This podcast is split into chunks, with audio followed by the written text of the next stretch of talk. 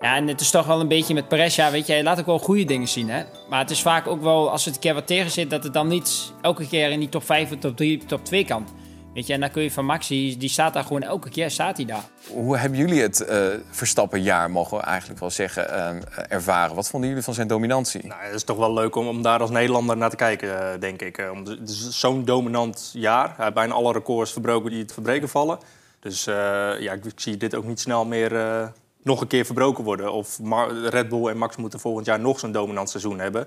En dan met 24 races in plaats van 22. Dan kan je nog wat records vestigen. Maar uh, ja, het is wel gaaf om als Nederlander hier naar te kijken. Ja, verwacht jij dat ook? Dat volgend jaar ook weer gedomineerd gaat worden? Of? Die kans zit er wel in natuurlijk. Hè. En, uh, en ik sta ook soms wel eens bij stil. We kijken natuurlijk naar iets heel unieks. Hè. Eh, we hebben dit gezien van Schumacher. We hebben dit gezien van Hamilton. En nu kijken we naar onze eigen Verstappen die ditzelfde neerzet. En uh, voor mij mag het zo lang mogelijk duren zoals het is. Het, het is natuurlijk aan die andere teams die uiteindelijk het vuur aan de schenen moeten gaan zetten van Red Bull en Verstappen. En dat vind ik wel een leuke, leuke uitdaging om te zien. Dus ik hoop wel dat die andere teams dichterbij komen. Want voor de competitie is het natuurlijk het tofste. Uh, maar ja, als Verstappen het blijft domineren, ja, dan hebben ze het ook wel verdiend. Want als je de beste auto neerzet, ja, ga dan ook met de prijzen er vandoor. Ja, Zo simpel is het ook. Ja, voor een coureur, hè, Larry, als je alles wint, word je dan juist een stuk relaxed in de auto? Of denk je van, ja, je staat bovenaan, maar het kan ook wel juist heel erg pittig worden doordat de rest zo heftig in je nek hijgt? Nou, ik denk dat is ook een beetje opnieuw hoe je er zelf in staat. Maar ik denk als je er echt naar de ja, crème de crème kijkt, dus naar, natuurlijk naar Max, uh, het is gewoon elke keer weer staan. En um, dat is ook gewoon de mindset van, weet je, ik ben zo bekend als mijn laatste resultaat. Dat is een term die ik wel vaak gebruik, natuurlijk super mooi is.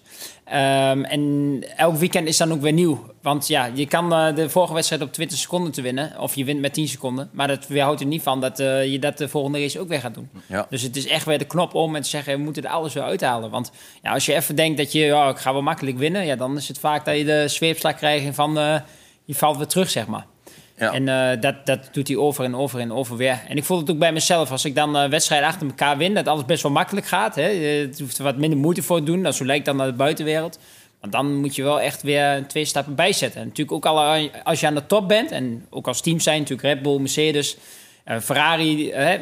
maar er kan er maar één aan de top staan. En natuurlijk iedereen wil proberen dat team naar beneden te halen, hun dat plekje weer. En dat is natuurlijk wel mooi voor de competitie. Dus ja.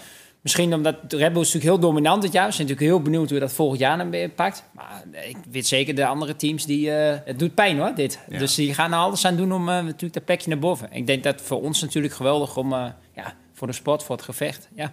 Ja, kan uiteindelijk maar één de beste zijn, hè? Ja, dat is zeker zo. En als teamgenoot Sergio Perez, die, ja, moet toch wel eerlijk bekennen, hakken over de sloot, is die tweede geworden. Het uh, moest echt tot de ene laatste race moest het, uh, duren. Ja, zelfs de meevallers die hij heeft gekregen met uh, Hamilton, die een paar keer is uitgevallen of gedisqualificeerd of whatsoever.